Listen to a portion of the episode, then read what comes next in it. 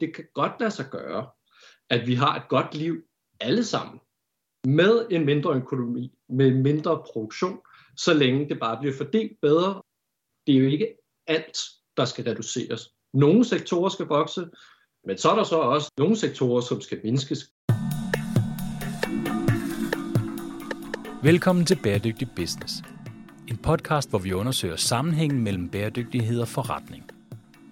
Den sociale ulighed stiger, og klimakatastrofen er ved at løbe løbsk. Konsekvenserne af biodiversitetskrisen og kollaps af økosystemer er ganske uoverskuelige.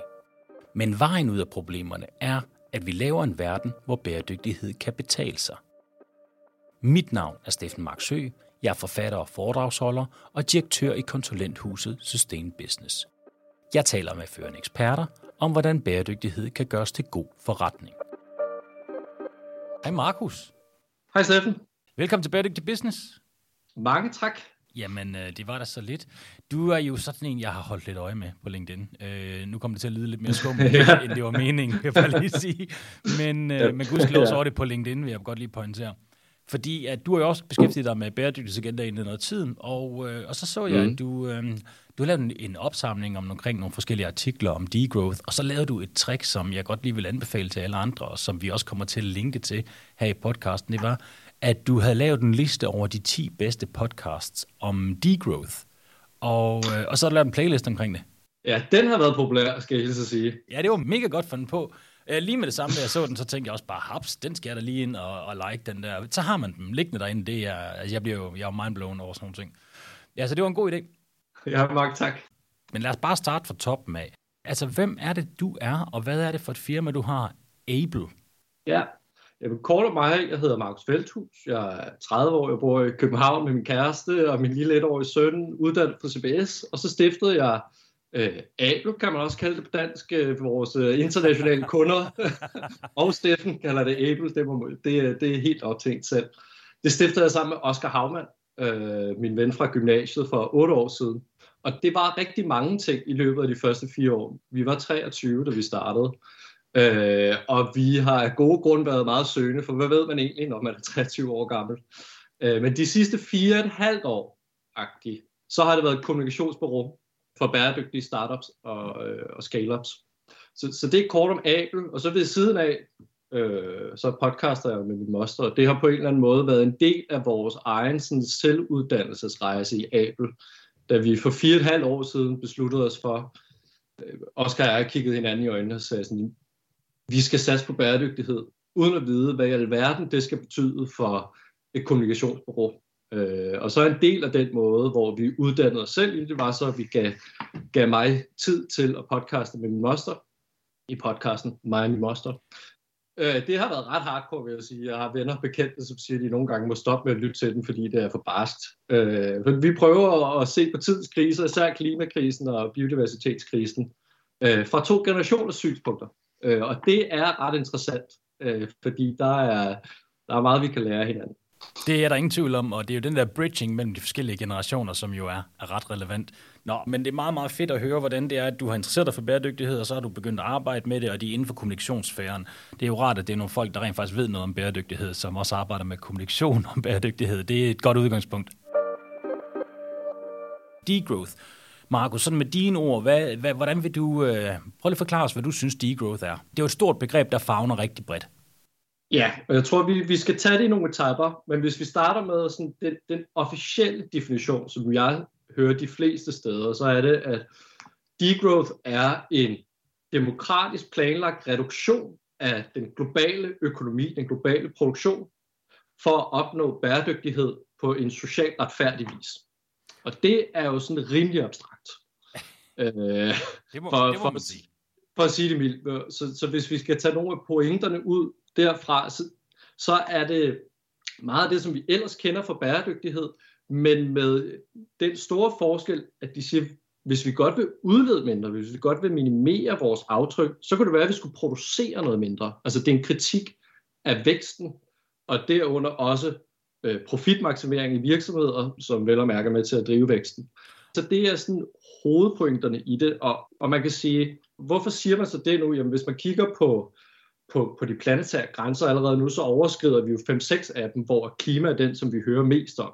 Altså vi, hvis vi bare, vi kan ikke engang bare blive på den størrelse økonomi, vi har nu, så udleder vi stadig så meget, at det kommer til at gå galt, hvis vi bare skal sige det helt kort. De siger så også, at det kan godt lade sig gøre, at vi har et godt liv alle sammen, med en mindre økonomi, med mindre produktion, så længe det bare bliver fordelt bedre, og så kigger de på sådan noget som Costa Rica, eller Tunesien, eller nogle græske øer, altså nogle steder, hvor folk har det godt, men også hvor de har et meget, meget mindre BNP, et meget, meget mindre forbrug per person. Det er jo ikke alt, der skal reduceres. Nogle sektorer skal vokse, plantebaserede fødevarer skal vokse, ja, grøn energi skal vokse, hele reparationsøkonomien skal vokse, men så er der så også nogle sektorer, som skal mindskes, konventionelt landbrug, især øh, dyrehold, fossile brændstoffer, fast fashion, alt sådan noget. Der er nogle lande, som skal vokse, de fattige lande skal vokse deres økonomi for at hæve levestandarden, så vi også kommer, så vi lever op til de sociale grænser. Og så er der nogle lande, som eksempelvis Danmark, hvor man siger, ja, de vil påstå, at Danmark kan godt have en mindre økonomi, og vi kan stadig alle sammen have det godt. Men de anerkender sig også, nu er vi ved at, at, at være i mål med den meget lange forklaring, øh, de anerkender også, man kan jo ikke bare sige, nu må vi ikke længere vokse vores BNP, vi må ikke længere vokse vores økonomi, øh, uden at lave en masse ting om, fordi hvis det sker, så sker det det, som i øvrigt alle traditionelle økonomer vil kritisere det her for, så kommer vi i en recession, så mister vi jobs, og så, så går det hele af helvede til. Så de siger, det er derfor, det hedder en demokratisk planlagt, altså det er bevidst reduktion af økonomien, så der skal laves en masse lovgivning rundt om. Og det er jo enormt interessant, og det som der jo også bliver meget tydeligt, når vi taler om det her, det er, det, det er en ret veludviklet øh, retning, det her, både filosofisk, øh, det står på noget stoicisme og sådan noget, og, og makroøkonomisk er det også ret veludviklet, og så er det meget, meget underudviklet, når det kommer til, hvis jeg skal producere mindre, hvis mine øh, produkter skal holde længere, hvis jeg skal lave fødevarer på en måde, hvor jeg har et mindre udbytte per land, alle sådan nogle ting, hvordan skal jeg så få min forretning til at hænge sammen? Det er den del af degrowth, der er, der er underudviklet. Og hvis vi skal tage den sidste del, som så er post-growth. På nuværende tidspunkt er vi en vækstøkonomi. Og man skal bare lytte. Man skal se medierne. Øh, jeg ved, fordi jeg også har været på øh, PR-bureau for mange år siden. Den letteste måde at få noget i medierne på, det er, hvis der er en virksomhed, der kommer ud med et rekordresultat, hvor man er vokset for sidste år. Altså, regeringen fortæller om, at vi skal vokse, vi skal vokse økonomien for at have råd til velfærd, for at have råd til at lave innovationerne inden for bæredygtighed. Det er den økonomi, som er i nu. Så er degrowth-transitionen, altså forandringen, hvor vi gør den globale økonomi mindre, som vi taler om, noget vokser, noget falder, og så kommer vi til en post-growth økonomi, som nok nærmere er sådan vækstagnostisk. Øh, så det er en økonomi, som er stabil, som fungerer, også selvom at den ikke vokser hvert år. Mm. Øh, så, så er det hele lidt mere organisk. Og der er stadigvæk markeder, der er stadig handel, der er stadig virksomheder. Øh, så det er ikke fordi, at det her, altså det, vi lægger et spænd imellem noget, der er kapitalistisk, og imellem noget, der er socialistisk, men det er, det, det er hverken eller sådan helt rendyrket. Men man har fjernet øh, det, som virksomheder, de fleste virksomheder i dag i højst grad styrer efter, vækst og profitmaksimering, øh, fordi at det mener man korrumperer, og det er, er der så også rigelige beviser for. Man siger, det, det jo drejer sig om, det er simpelthen, at vi får downscalet den her økonomi lige nu, fordi vi producerer helt vanvittigt meget. Vi producerer også mere, end vi har brug for. Vi producerer ja. på en måde, der ikke er socialt retfærdig. Og så er der vel også ja. hele den her well-being, øh, trivselselement med oveni, at, at, at man kan sige, det vi måske skulle måle mere på, det var, hvordan mennesker de trives, i stedet for at vi bare per default tænker, at, at vækst er lige med, at mennesker trives og har det godt. Ja, præcis. Og det, det vil de fleste også sige. Det, det vil hele tiden være med trivsel for øje. Øh, og de siger også, og det synes jeg er meget sjovt, altså hvis vi godt vil have folk til at trives, så kunne det være, at vi skulle kigge specifikt på, hvordan får vi dem til at trives, i stedet for at tro, det er et biprodukt af vækst. Ja, men det som, øh, jeg har jo læst trivselspsykologi, og det er jo skægt, ikke? fordi vi har, så mange, øh, vi har så mange antagelser om, hvad det er, der gør os øh, lykkelige. Og det er rigtigt, at penge og velstand gør os rent faktisk lykkelige til et vist punkt, og derfra der er det bare en utrolig svært at blive mere lykkelig med udgangspunkt i flere penge. Der skal bare ekstremt mange penge til, når vi når det der threshold. Men jo jo sjovt det der med, at der er forskellige skoler inden for det, fordi jeg tror, at langt de fleste jo nok godt kan blive enige om, at vi har brug for degrowth i et eller andet omfang. Altså vi har brug for at lade være at producere så ekstremt meget, bare kigge på vores madforbrug eller madproduktion. Det er, ah, men det er skrækkeligt. Ja, det er noget med en tredjedel af alt det, vi producerer, rent faktisk bare bliver smidt ud, og det har jo et massivt klimaaftryk. Så, så det, det er jo fuldstændig ja. no-brainer. Der skulle vi nok gøre noget andet.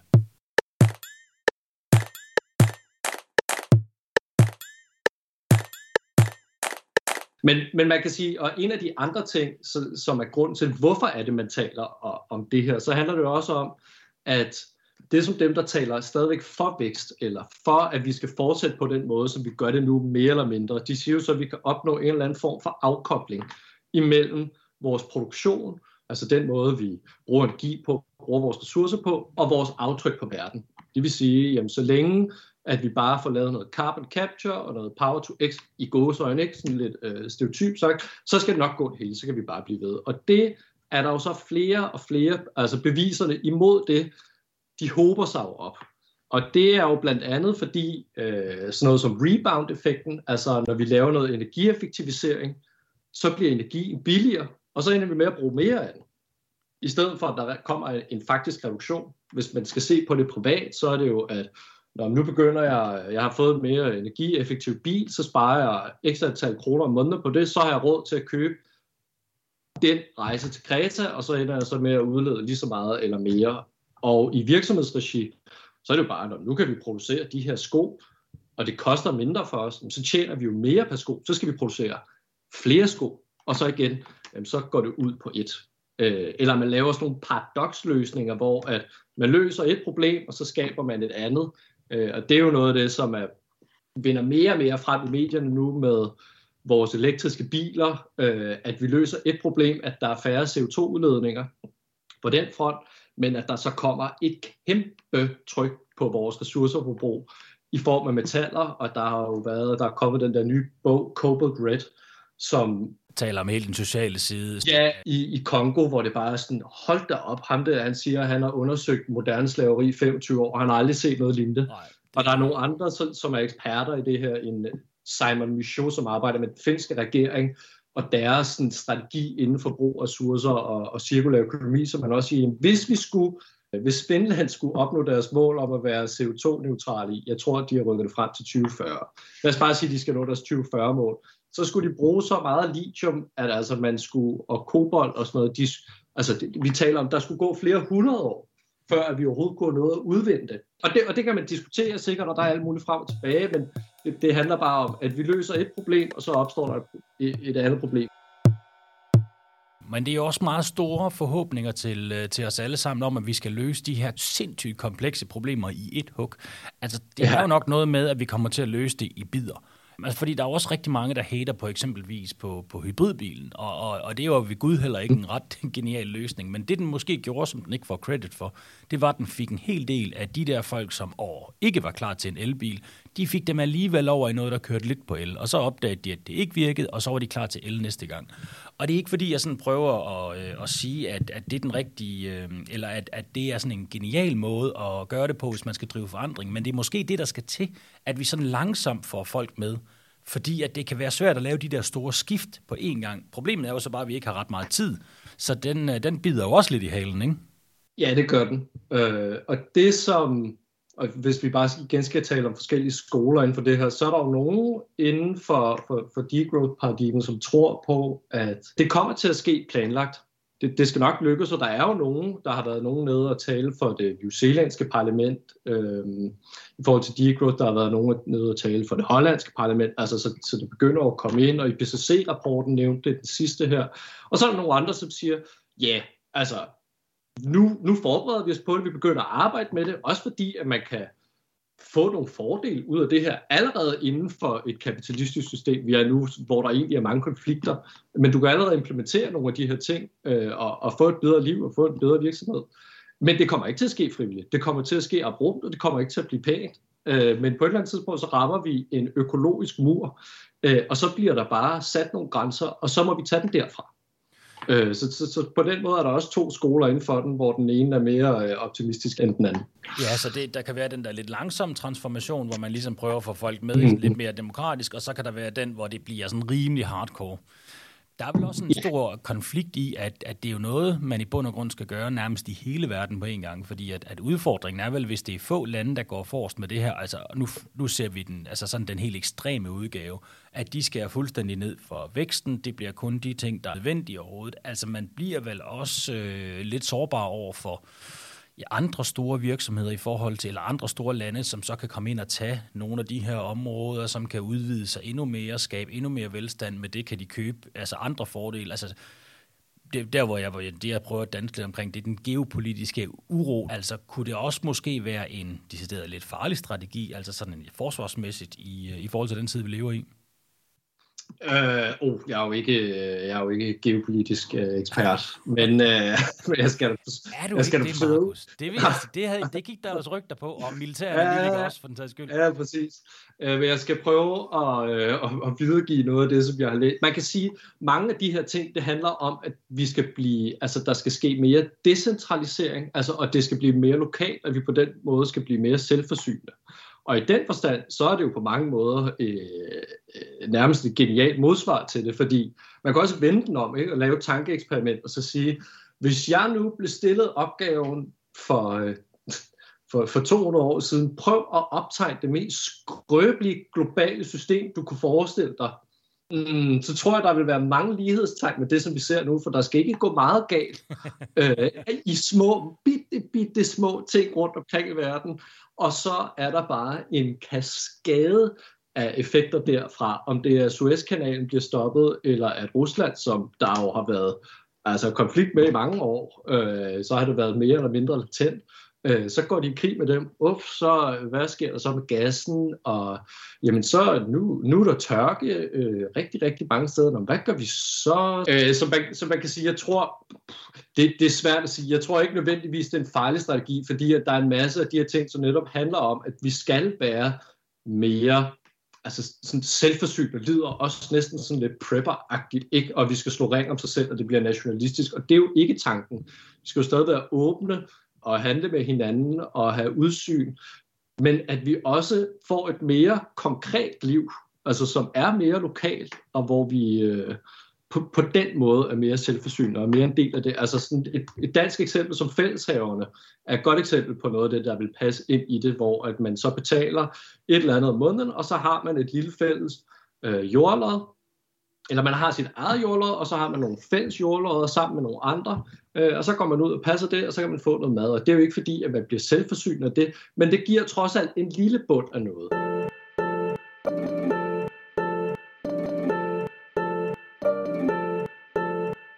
Det vi jo hele tiden danser rundt om, fordi jeg tror, vi, vi er nok rigtig mange, der godt kan se fornuften i, at vi bliver nødt til at downscale øh, den her vanvittige vækst, og det har vi vel lidt inde på, og der er nok også mange, der vil synes, det giver god mening, at det bliver mere socialt retfærdigt, og der er nok også rigtig mange, der tænker, at, at vi begynder at måle menneskelig trivsel i menneskelig trivsel, og ikke i, i vækst, altså i, i BNP.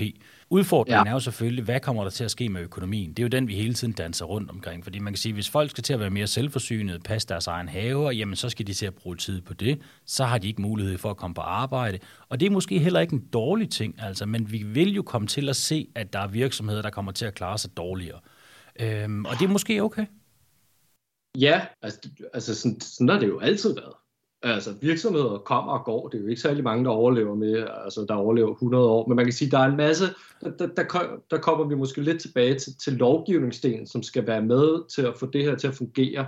Og en del af det, altså sådan en af principperne eller hypoteserne kan man sige i det her, det er, at vi skal alle sammen arbejde mindre. Fordi hvis økonomien den total produktion bliver mindre, så vil der være mindre arbejde til alle, og derfor så skal vi dele det mere ligeligt imellem os. Altså så lønnen skal fordeles bedre, og udover at, altså, og det her er der jo blevet eksperimenteret med i altså, de sidste 30 år i forskellige dele af verden, øh, og stort set alle steder er det jo gået meget godt, at man skal arbejde mindre, altså en kortere arbejdsuge. Ja. sådan så løn bliver fordelt bedre, men at økonomien stadigvæk kører rundt. Øh, og det, som der så interessant, og det er sådan nogle nye studier, der viser det, det er, at vi så rent faktisk også bruger tiden på ting, som mindsker vores totale aftryk.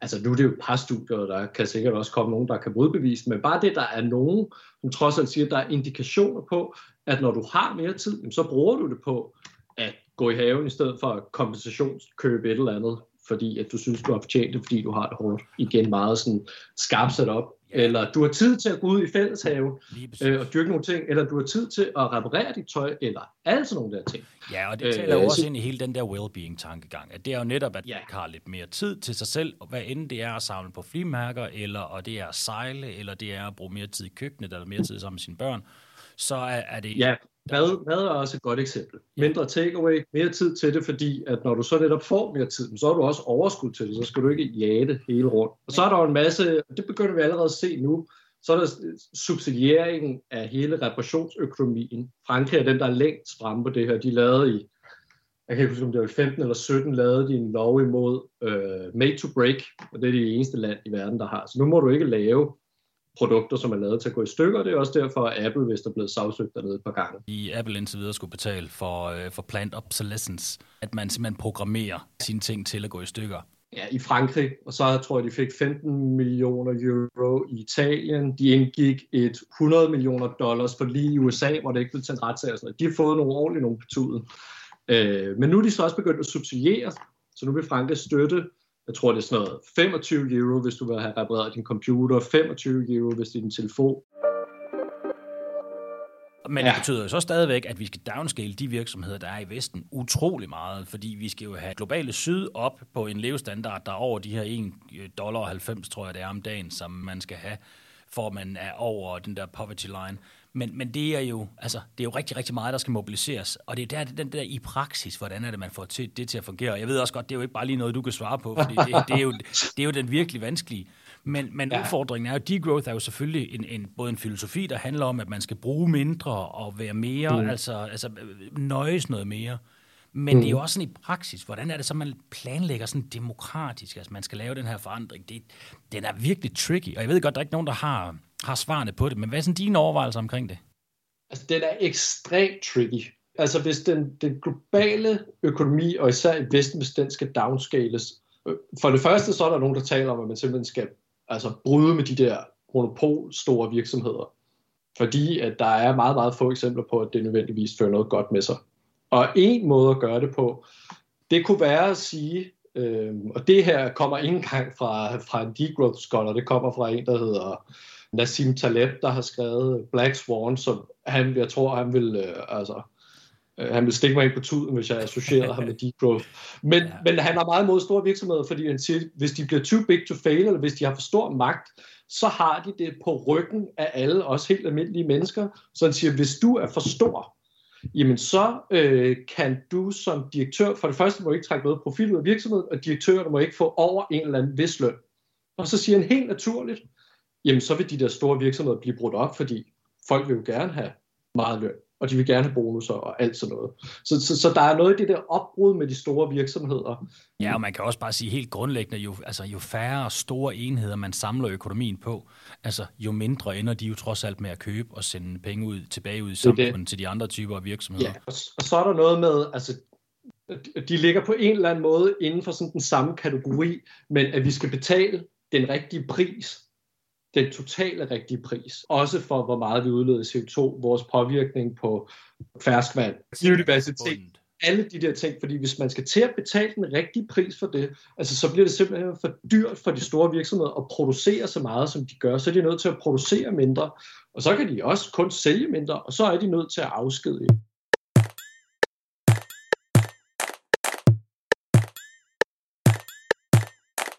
Øh, hvis man læser sådan nogle bøger som Den danske søvdearbejde af Dennis Dørmark og Anis Fogh Jensen, eller øh, originalen, den som de har bygget ovenpå, Bullshit Jobs af David Graeber, så må man jo også sige, jamen der er jo en masse jobs, hvor man bare tænker, hvad fanden sker der? Altså sådan der, hvor de selv, der er sådan eksempler på en bad, som ikke var på arbejde i seks år, ikke? fordi at han bare kunne smutte, og så skete der ikke rigtig noget, indtil det så blev opdaget, fordi at de ville give ham en belønning for at have været i virksomheden i 15 år. Øh, men de bøger kan man jo læse, så tænke, okay, måske kan man godt skære noget fra. Samtidig med, og det er så øh, en anden øh, lovgivning, som der bliver kigget på, som der bliver eksperimenteret med i Østrig i øjeblikket, som er en, en grøn jobgaranti jobgarantier kan jo muligvis have en negativ klang herhjemme, fordi det meget ofte er noget, der er blevet brugt til at få folk, som er presset økonomisk eller af andre grunde, til at blive tvunget ud i nyttejobs, altså til en meget, meget lav løn. Men det, det er jo så ikke meningen med det her. Det er en grøn jobgaranti, hvor man siger, når eksempelvis, hvis vi skal til, ligesom i Holland, at opkøbe Holland, som har afsat øh, over 200 milliarder til at opkøbe konventionelt landbrug, eller hjælpe med at omlægge til plantebaseret.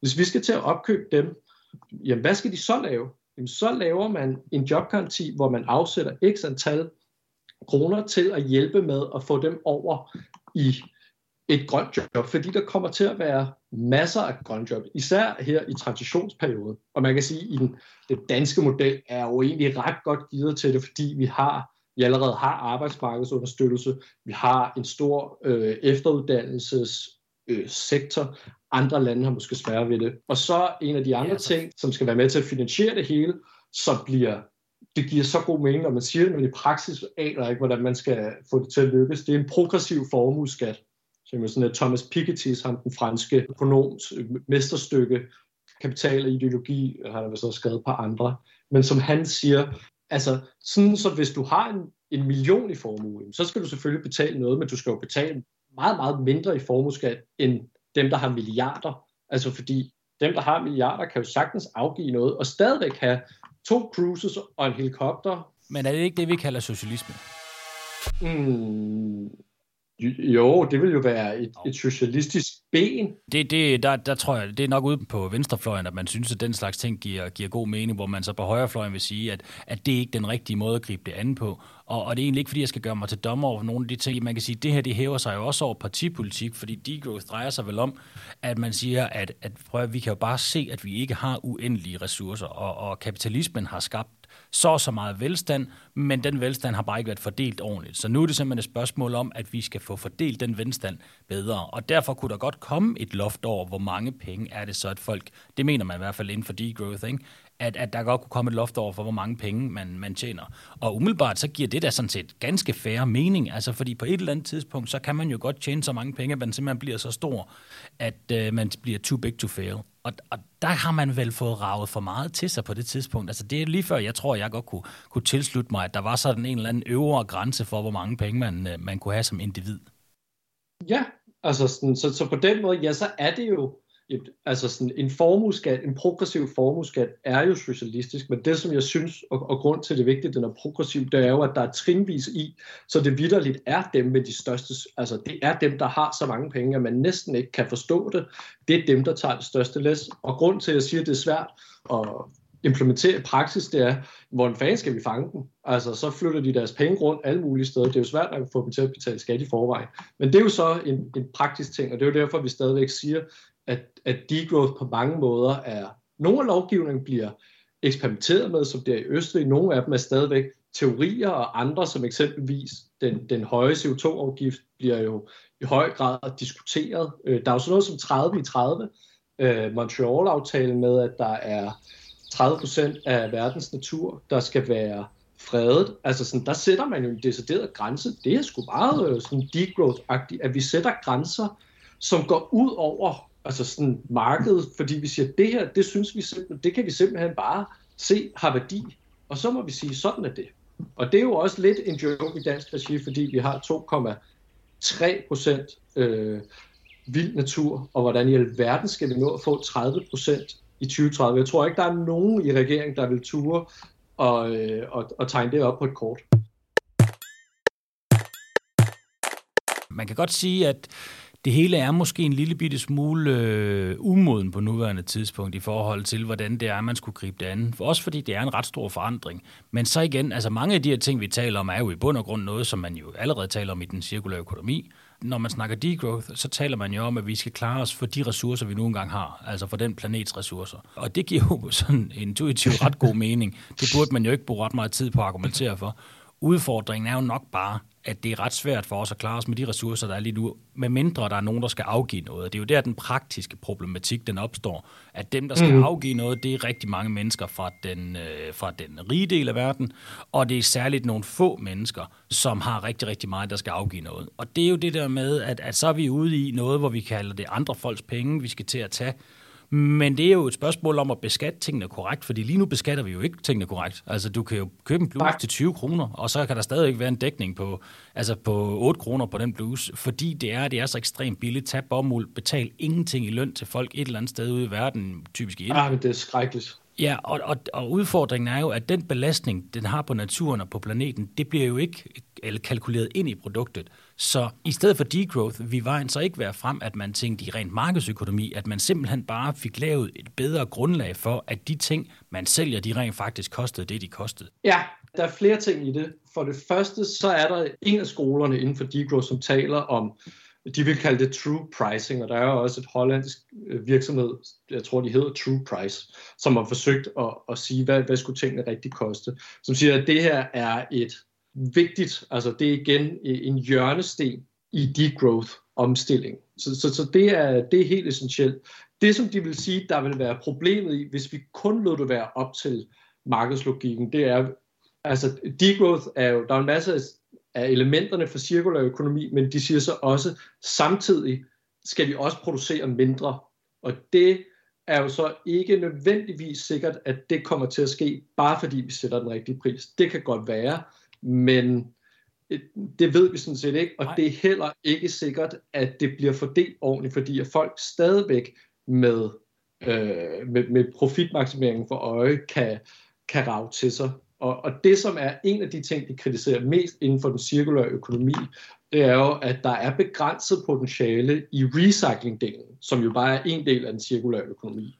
Det er jo virkelig den, den, det laveste trin. Ja. Det, vi, det vi allermindst vil. Men også det, som, som allerflest stadig taler om, og de siger, det er der jo begrænset potentiale i, fordi for det første, så skal der stadigvæk bruges energi, når vi recycler noget, og for det andet, øh, så, så er vi ikke nået til det punkt, hvor noget er 100% recyclet. Altså der skal stadigvæk puttes nye ressourcer ind i det. Ja, og det er vigtigt lige at anholde den del, fordi når man taler ja. om cirkulær økonomi, så kan man sige, det allerdårligste er selvfølgelig bare at brænde ting. Så får vi lidt varme af det. Men der er jo trods alt stadigvæk nogen, der bare graver lortet ned til, til deponi, altså uden nogen som helst form for nytte. Men, men det er jo klart, der forsvinder ressourcerne fra os. Så er der jo recycling, ja. og det er jo klart, det kan du ikke blive ved med for evigt, fordi der skal virgin material ind i det på et eller andet tidspunkt. Men derfra, der begynder der at komme nogle interessante forretningsmodeller, som måske godt kunne holde stik. Altså product as a service. Altså der sker jo nogle ting, når det er, at, at, man har incitament, økonomisk incitament for, at man laver leje løsninger altså at man reparerer ja. det længere tid, man holder det længere tid, for du kan sælge det længere tid til kunderne. Der er jo nogle folk, der er meget hardcore på degrowth, som jo vil sable hele cirkulær økonomi ned. Og, og det, er jo, altså, det er jo fuldstændig skørt, fordi den cirkulære økonomi kommer jo til at spille en aktiv rolle i, at degrowth overhovedet kan fungere. Ja, øh, man kan sige, jeg jo, øh, jeg synes, det er tidligt stadig at kalde mig ekspert. Ikke? Jeg forsøger at sætte mig ind i det, som eksperterne siger. Øh, selv eksperimentere med det, tale med de virksomheder, der forsøger at arbejde med det, og, og så videreformidle det. Og jeg tror også på, og det synes jeg de fleste gør, altså den del, der handler om genanvendelighed og genbrug og, og forlængelse af levetid, det passer jo stadig inden for degrowth, og det er jo en del af den cirkulære økonomi. Men det, som de andre så vil sige, det er, og det, det kalder de sådan nogle... Øh, altså de kalder det nærmest nogle biblioteker af ting.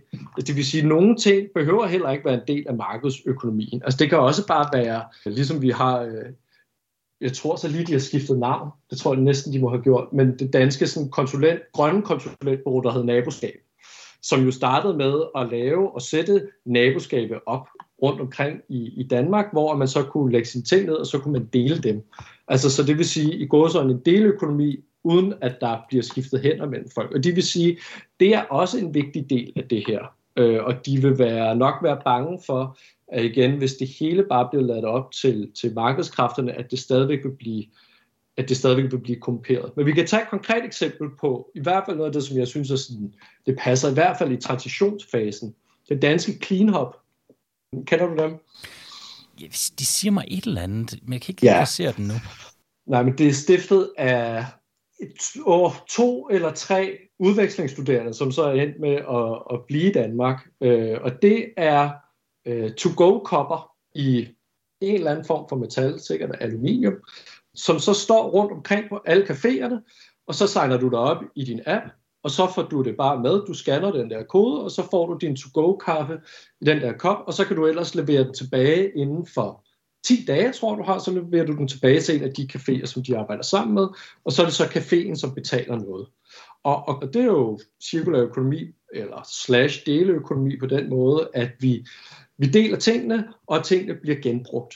Det, der jo altid er sjovt med sådan nogle regnstykker, det er jo at se, om hvor mange af de der bliver så rent faktisk sendt retur i forhold til, hvor mange der bliver spidt ud. Det er ret mange. Jeg tror, de har en, en return rate på uh, 98. Altså det er stort set alt. Og fordi ellers kan de jo skrive til dem i appen. Altså de har jo deres, øh, de har deres oplysning. Og man kan sige, når man skulle alle så ikke have deres egen to-go-kop, vil det ikke være bedre. Øh, ikke nødvendigvis, for så kunne det være, at vi totalt set skulle have endnu flere to-go-kop, og så skulle alle have en to-go-kop. Mm. Her kunne det faktisk være, at vi totalt set minimerer det ressourcebrug, som vi bruger på to-go-kopper. Det minimerer vi ved, at vi deler det. Så, så, så det, er et meget godt eksempel på, hvor jeg synes, vi rammer et eller andet sted. Imellem degrowth og noget forretning i, i praksis. Ja, altså man kan sige, man kan jo putte mange ting ned i, i den her degrowth øh, hat. Altså der, hvor, hvor jeg jo nok synes, det er rigtig interessant, det er, jamen, hvordan kunne man rent faktisk lave den der model, hvor man kunne få det til at fungere? Fordi det er jo, altså, det, jeg synes, det er så interessant det her med, at vi står over for nogle, øh, nogle udfordringer, som vi jo alle sammen godt sådan intellektuelt kan forholde os til, vi kan godt se, de er der men løsningerne er bare virkelig ikke tiltalende, og de er svære at føre igennem. Og så kan man sige, så er der, så er der nogen af os, der måske er så bevidste, at vi trods alt ved, at det er nødvendigt, at vi gør nogle ting, men det er stadigvæk vilde forretningsmodeller, der skal til, før det er, at man kan, at man kan lave den her slags øh, løsninger. Altså hvis vi skal have kørt, lad os bare for at være, være konkret, ikke? altså vi bruger fire jordkloders ressourcer i Danmark. Det vil sige, at tre fjerdedel af vores forbrug, det skulle vi have, have koblet væk, bare for at det var, at, at vi var i balance med planeten. Det er jo ja. bank med mig, der skal fjernes. Det kræver jo godt nok, at virksomheden de kan levere nogle andre ting, og det kræver altså også, at man får taxeret tingene på en anden måde. Og så kræver det jo virkelig også, at forbrugerne de er med på at lave den her galej, ikke? Det må man sige. Altså sådan, ens hoved eksploderer jo næsten, når du siger de der ting, ikke? og det er der, hvor vi må vende tilbage til. Det er enormt abstrakt, hvordan skal vi komme derhen? Og der må vi tage udgangspunkt i, hvad kan vi gøre nu? Altså inden for det her system, som vi lever i nu, hvordan kan vi så begynde at, at sætte nogle små skibe i søen, som har nogle degrowth elementer, så, så vi kan begynde at se, om så kunne man måske godt gøre det der, og det har værdi allerede nu, så det, det kan vi bare gøre fuldstændig uafhængigt af, hvad der kommer til at ske. Vi kan tage mig og Oscar som eksempel, bare for at gøre det endnu mere konkret. Vi har et kommunikationsbureau, og så har vi stiftet den her anden virksomhed, som hedder Postgrowth Guide, som skal være stedet, hvor vi samler øh, indsigter fra eksperterne, guides, case-studier for dem, der arbejder med det, samler alt det her på en hjemmeside, hvor man så kan blive medlem, og så kan man få adgang til det i håbet om, at nogen vil forsøge at, at prøve at, at implementere nogle af de her ting, nogle af de her post-growth, degrowth strategier eller principper i deres virksomhed. Men hvordan gør vi det selv? For, fordi, og vi er jo im og væk en lille virksomhed, så det burde jo være lettere for os vi har jo i første omgang været nødt til at degrow vores eget kommunikationsbureau for at få tid til det. Så vi, gik, vi var otte sidste år, så gik vi nødt til at være tre. Og det var hårdt. Så for det første var vi nødt til det. Så var vi nødt til at stifte i en helt anden virksomhed, fordi der er ingen, der gider at høre om degrowth eller postgrowth over i Abel, som er et kommunikationsbureau. Hvad i alverden har det med noget som helst at gøre? ja. De prøver bare at sælge mig et eller andet igen, ikke? Et eller andet marketing har. Nu har så været så stor respekt for, at de rent faktisk prøver at tage noget af det her, og så putte det ned i praksis, og få det til at fungere. Og så vil jeg også sige tak for alt det, du deler. Altså, det er, du deler nogle rigtig fine ting på LinkedIn. Vi linker til det i, uh, i podcasten, når vi kommer så langt. Men Markus, tiden den er gået. Tusind tak for snakken. Det var en fornøjelse at slå med dig. I lige måde. Mange tak for, øh, at jeg må få lov til at være gæst. Tak fordi du lyttede til Bæredygtig Business. Find mig gerne på LinkedIn, hvis du vil netværke, eller hvis du har idéer til nye episoder. Ris og ros er også velkommen. Del meget gerne podcasten med dine venner, og husk at give os en god anmeldelse, så bliver vi så glade.